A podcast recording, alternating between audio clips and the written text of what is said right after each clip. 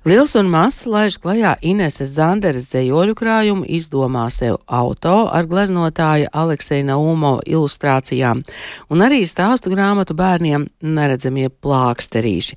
Nacionālajā bibliotekā savukārt atklāta izstāde vai grāmatai ir knābis, kur Inese Zandere vakar bija klāt ar visiem pūčulēniem. Šodien Inese Zandere ir mūsu studijā. Labdien! Labrīt, sveiki! Nu tā, mm, tad mēs varam sākt eh, šīs dienas kultūras rondo.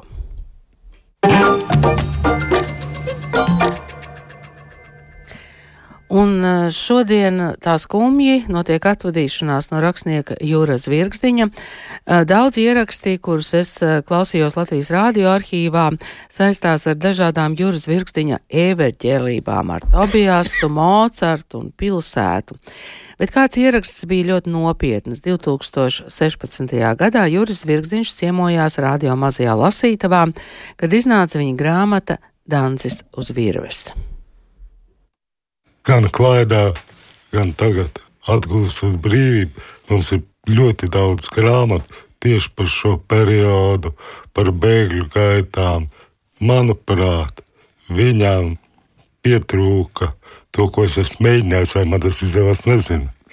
Ka bija ļoti daudz cilvēku, kuri vienkārši centās izdzīvot.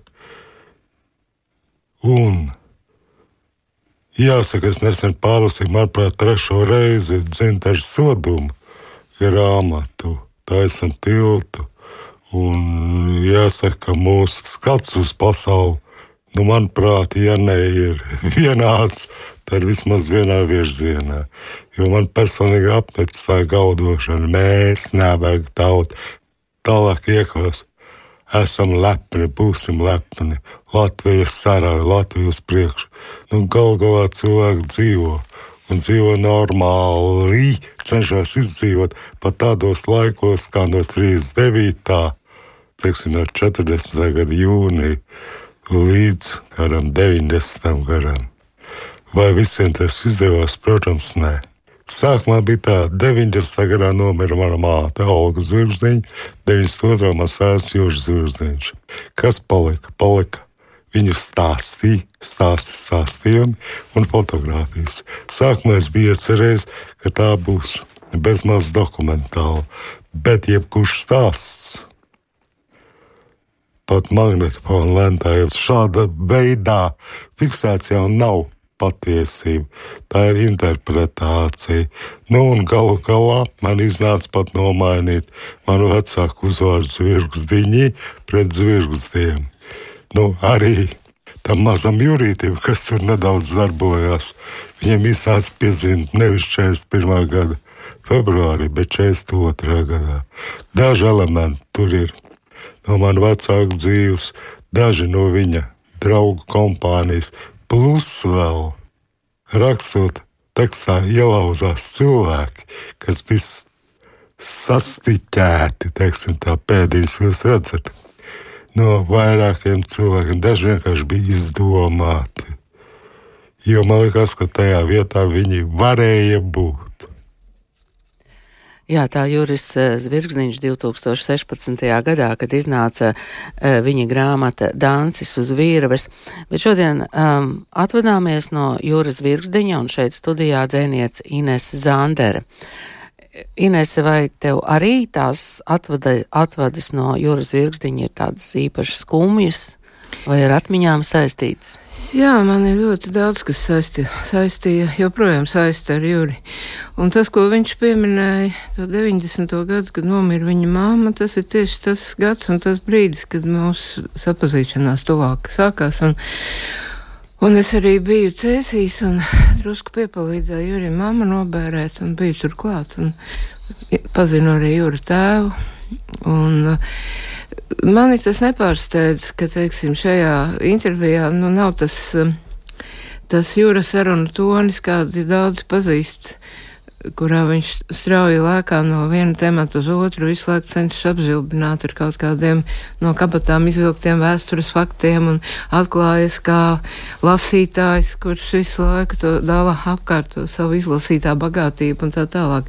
Bet viņam tā attieksme pret vēsturi, pret pagātni vienmēr ir bijusi tāda, ka nu, viņš it kā turpina pārdzīvot visu pagājušo no jauna.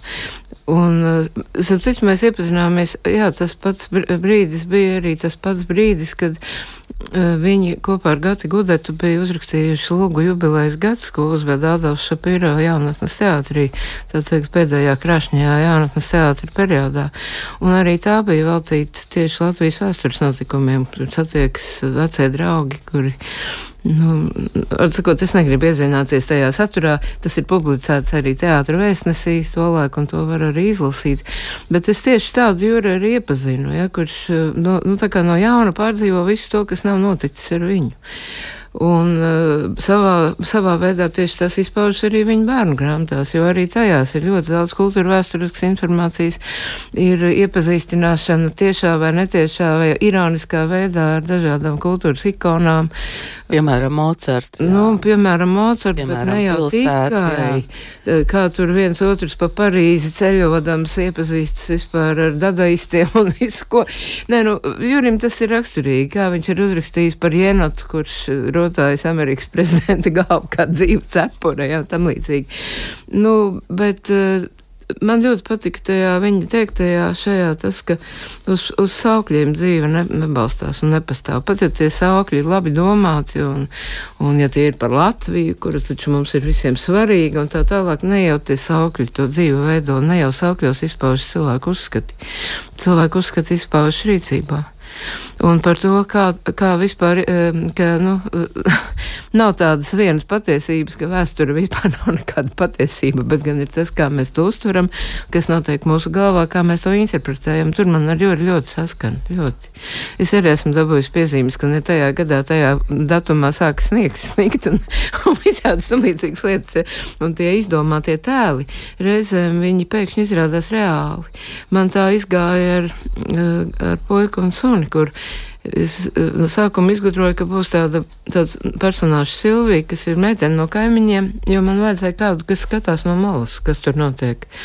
Jo es biju iedomājusies, ka Zigam, Zigam iekšā es nevaru ielīst. Un, Tas būtu par traku, ja Žaņa Likas dēls. Jā, jā Žaņa Likas mazais puika, ja, kas piedalās visā ebreju glābšanā.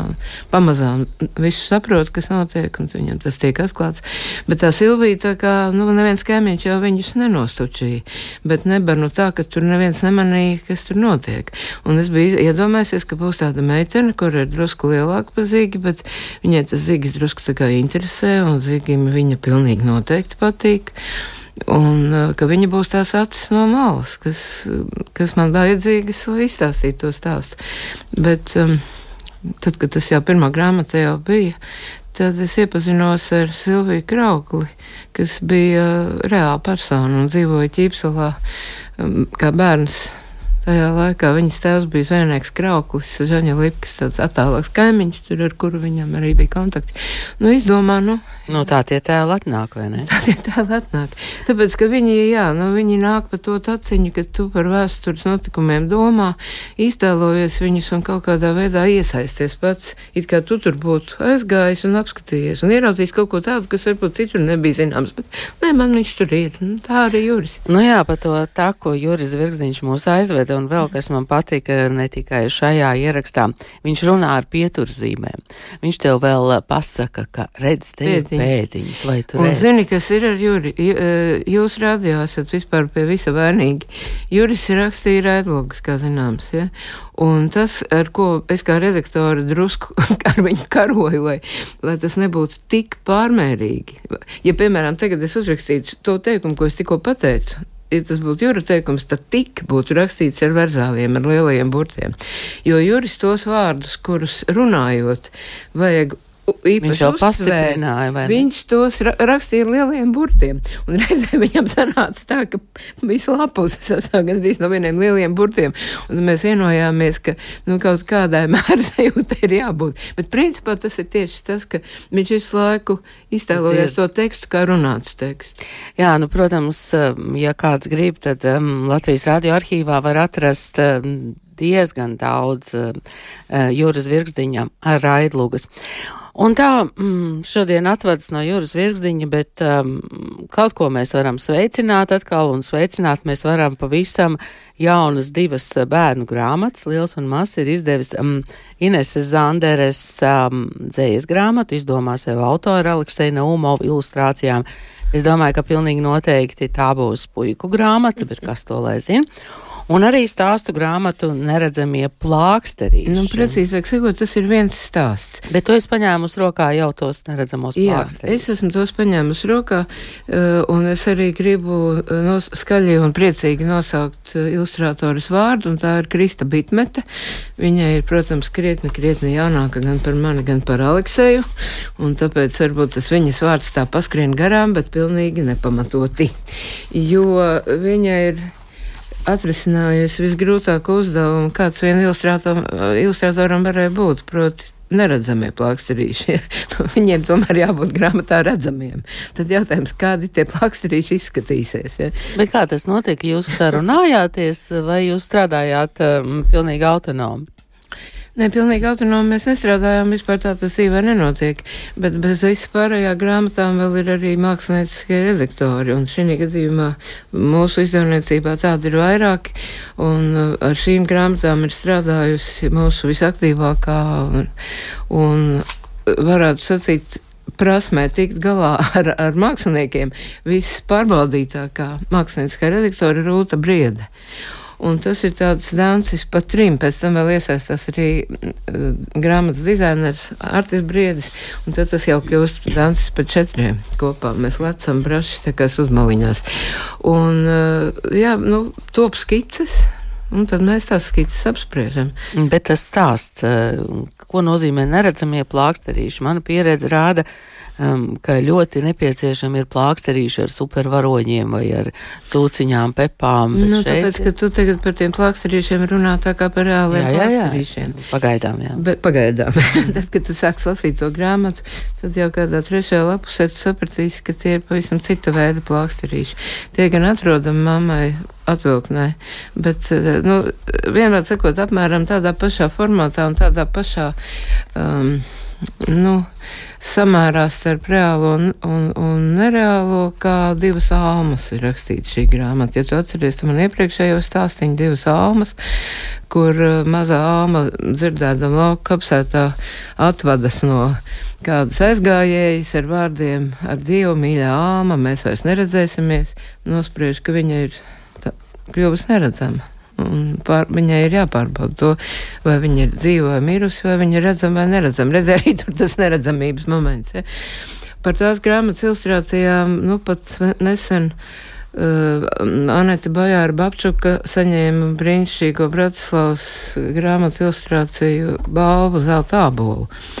Un viņa to bija atrisinājusi tā, ka tas, ko Alma uh, iztēlojas, ir ar citu krāsu tajā grāmatā. Un Kristai vajadzēja savā ziņā arī risināt to neredzamības uzdevumu. Ja? Tie ir neredzamiem pušumiem domāti plaksterīši. Uz neredzamiem pušumiem, kuri, protams, ir ļoti sāpīgi. Un tādu mums vajag netrūkst. īpašus Tur vajag arī atbilstošus plāksterīšus. Un līdz grāmatas beigām tā galvenā varone, Aneta, i- ka viņas mammas plāksterīši kā ir beigušies, un tad, kad mammai pašai tāds ir vajadzīgs. Pēc ārkārtīgi riebīgas telefona sarunas, kas, ka telefons ir tik karsts no karstā strīda, ka mamma faktiski ir apdecinājusies. Ja? Tad izrādās, ka Aneta pati atrod savās kabatās neredzamos plāksterīšus, jo viņa zina, kas ir jādara. Eh, Cik veciem bērniem tu adresē šo grāmatu? Nu, man tā meitenīte ir tāda, kas ir sākusi iet pirmajā klasē. Mm. Bet, ap citu, runājot par puikām, tagad parunāsim par puikām. Parunāsim par puikām. Es jā. nu pat nesen neredzamos plāksterīšus lasīju uh, Praulienas skolā. Un arī Madona, nē, otrādi, Mānos, Madonā, Madonas bibliotēkā, kur bija Madonas skolnieciņi atnākuši. Un Tur ir par plāksterīšiem, kas jāuzlīmē futbolistiem pēc zaudējuma. Aneta aplīmē, sagriež mazos gabaliņos un uzlīmē ne tikai savam draugam Antonam, kurš pārdzīvo, ka viņa iemīļotā komanda, kuru viņš ir atbalstījis, ir zaudējusi, pat vectēva atbalstītāja ir vinējusi, bet viņa redz arī, ka visa Brazīlijas futbola komanda sēž ar vilšanos un, un bēdām sejā sabrukusi zālē, jo viņi salīmē tos plāksterīšus visiem futbolistiem uz ekrāna. Jā, tā kā nevar zināt, Un puikas, puikām. Vai... nu jā, tas nav tā. Man tie pir, pi- pirmo rindu mazie puikas pilnīgi pie vārdiem Messi un Neimars, viņi pilnīgi palaicās. Viņi, viņi saprot, par ko tas stāsts. Viņi tos pazīst, tie, tie ir viņu, viņiem tūk. Nav, tie viņiem tie magnēti ir, lai varbūt lasītu. Nu, jā, pašiem, jā, vai nu ne? nav jau gluži tā, ka es tik apzināti un mērķiecīgi to daru, bet nu, man jau arī ir mazdēli, kuri, Pasaka priekšā varbūt kaut ko. kuri, teiksim, ja es gribu nopirkt krekliņu ar atbilstošu futbola komandu, jā, un tad apspriežos ar brālīti, vai varbūt, ka man tagad nav laika Madridē, es varbūt es būšu vēl, nu tur Madrid reāli veikaliņš, ja tur var nopirkt, bet varbūt, ka es vēl būšu tur, kur es tur sasījos būt, es vairs neatceros, un tur būs cita komanda, jā, un, un tur man būs vairāk laika, un atkal bļāviens, man riebjas mesī, un tad to es nevaru pirkt, ja. tikai es zinu, kā tas ir, ja. Tā ir realitāte. Tāpat kā kaķu vārdiņi tur meitenēm vai, vai mammas strīds pa telefonu. Tā visa tā vienkāršā dzīves īstenība, kura saliekas kaut kādā veidā kopā un izveido pati to stāstu, kurš nav vairs tikai par dzīves īstenību, bet, kaut ko izdara ar to. Kaut kas atnāk, kaut kas ir jāpapildina, kaut kas ir jāsamaina. Nu, un tad, piemēram, atnāk viena māma. un Tas jau nebija tagad, tikko šai grāmatā izdomā sev autori tāda pagara vēsture. Izdomā sev auto, jā. Jā, atnāca viena mamma. Un pastāstīja izdevniecībā, viņa bija atnākusi grāmatiņas nopirkt savam puikam. un Viņa pastāstīja, ka pirms tam viņa nopirkusi man dzīvoja grāmatiņu Karalis Ezis. Nu, tur kā jau vēzis, viņš mežā dzīvo un visi tie dzējoļi un tie varoņi, tur ir pa dabu, tur ir peles un čūskas un ziema, gadalaiki. Un, bet viņas puikam ļoti patīk mašīnītes.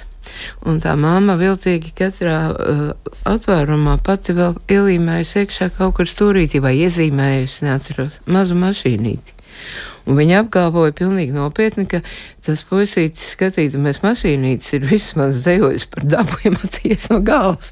Es nezinu, vai tiešām tik ļoti tas varētu būt, bet tad viņi man uzdeva jautājumu, bet vai jūs nevarētu uzrakstīt arī par automašīnām? Un Inês Zander var. nu, izrādījās, ka viņa var. Un, eh, bet, saproti, lieta tāda, kā Knuts būtu teicis, lieta tāda, ka tāpat jau tie dzīvoļi visi ir pa dabu. Pilnīgi nepārprotami. Un tas ir iemesls, kāpēc eh, man bija ideja, ka vajadzētu uzrunāt Alekseju ar ilustrēšanu, jo Aleksejs automašīnas bez šaubām uzgleznot, prot.